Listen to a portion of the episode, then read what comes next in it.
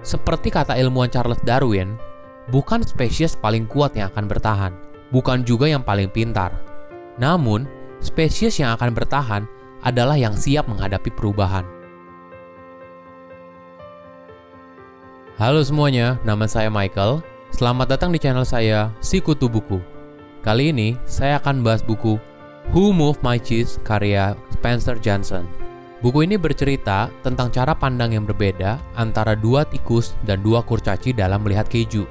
Keju di sini dapat diibaratkan sebagai karir, usaha, atau hal lain yang identik dengan kebahagiaan. Penyampaian buku ini sangat ringan, tapi memiliki pesan moral yang bagus. Bagi saya pribadi, buku ini merupakan pengingat kalau dalam hidup kita harus mau berubah untuk tetap relevan.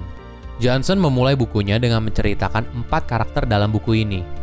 Dua ekor tikus, Sniff and Scurry, dan dua kurcaci, Ham and How. Mereka berempat hidup dalam sebuah labirin dan awalnya ada cheese station yang cukup untuk mereka semua. Tapi, suatu hari, keju yang ada di sana tiba-tiba habis. Di sinilah drama pun dimulai. Sniff and Scurry, layaknya seperti tikus pada umumnya, pemikiran mereka sederhana. Apabila tidak ada keju lagi, yang mereka cari tempat lain. Sedangkan Ham dan How, layaknya seperti manusia, mereka tidak terima keadaan. Mereka mengeluh. Siapa yang pindahin kejunya? Hidup ini kok nggak adil? Seperti manusia pada umumnya, mereka fokus pada masalah, bukan pada solusi. Membaca kisah ini mengingatkan saya pada pidato terakhir dari CEO Nokia yang bilang, kita tidak melakukan apa pun yang salah, tapi entah bagaimana, kita kalah. Ini merupakan pengingat bahwa dunia terus berubah, dan kita tidak bisa terjebak dalam kesuksesan masa lalu. Oke, kembali ke buku Who Moved My Cheese, How akhirnya sadar kalau dia tidak bisa mengeluh terus. Dia harus melakukan sesuatu dan mulai mencari keju lainnya. Awalnya, How mengajak Ham, tapi Ham menolak. Akhirnya, hanya How seorang diri dalam perjalanan mencari keju. Perjalanan mencari keju tidaklah mudah. How banyak menemukan kegagalan. Bahkan, ketika dia menemukan cheese station, ternyata kejunya hanya sedikit. How kemudian membawa sedikit keju untuk diberikan kepada Ham yang terjebak dalam masa lalu. Lagi-lagi, Ham menolak untuk move on dan terus mengenang masa-masa indah di masa lalu. Akhirnya, How pun menyerah untuk membujuk Ham dan melanjutkan pencarian kejunya. Setiap jalan yang How lewati, dia menulis petunjuk dan pelajaran hidupnya, berharap suatu hari nanti Ham berubah dan kata-kata tersebut dapat memadu Ham untuk menemukan keju. Akhir cerita, How pun bertemu Sniff and Scurry di cheese station yang berisi banyak sekali keju. Belajar dari masa lalu, How pun rajin untuk mengecek kondisi kejunya agar keju yang ada di cheese station yang baru dapat bertahan untuk waktu yang lama. Saya merangkum pelajaran hidup How yang paling penting dari pencarian kejunya. Pelajaran pertama, perubahan adalah hal yang pasti. Keju akan terus bergerak. Kita akan tertinggal apabila kita berhenti. Coba lihat Bluebird. Di tengah gempuran taksi online, Bluebird terus berbenah diri untuk tetap relevan dengan perkembangan zaman.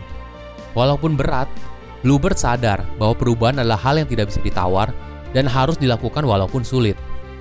Pelajaran kedua, perhatikan perubahan, cium kejumu sesering mungkin agar kamu tahu bila kejumu sudah tua. Ini adalah hal yang mudah diucapkan, tapi sulit dilakukan. Kalau saja Nokia pada masa itu tidak lengah sebagai pemimpin pasar dan bergerak cepat untuk berubah, mungkin Nokia masih terus bertahan dan tidak akan kalah dengan Samsung. Pelajaran ketiga, adaptasi perubahan dengan cepat. Semakin cepat kita melepas keju lama, kita akan mendapat keju yang baru.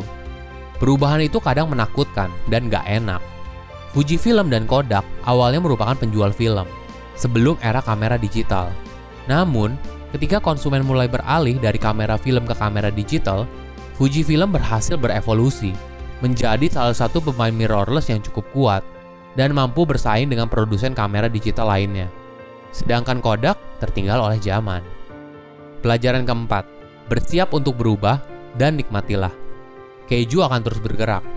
Di tengah era digital, teknologi mengubah hidup manusia. Kita harus terus berkarya dan tetap relevan. Bukan tidak mungkin, di masa yang akan datang, pekerjaan kita akan digantikan oleh robot. Seperti halnya, banyak pekerjaan zaman sekarang yang sudah digantikan oleh mesin.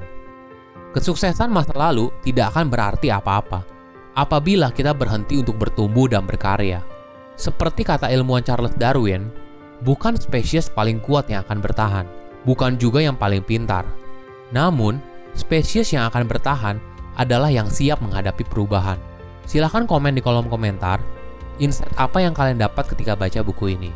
Selain itu, komen juga, mau buku apa lagi yang saya review di video berikutnya. Saya undur diri, jangan lupa subscribe channel YouTube Sikutu Buku untuk versi animasinya. Bye bye.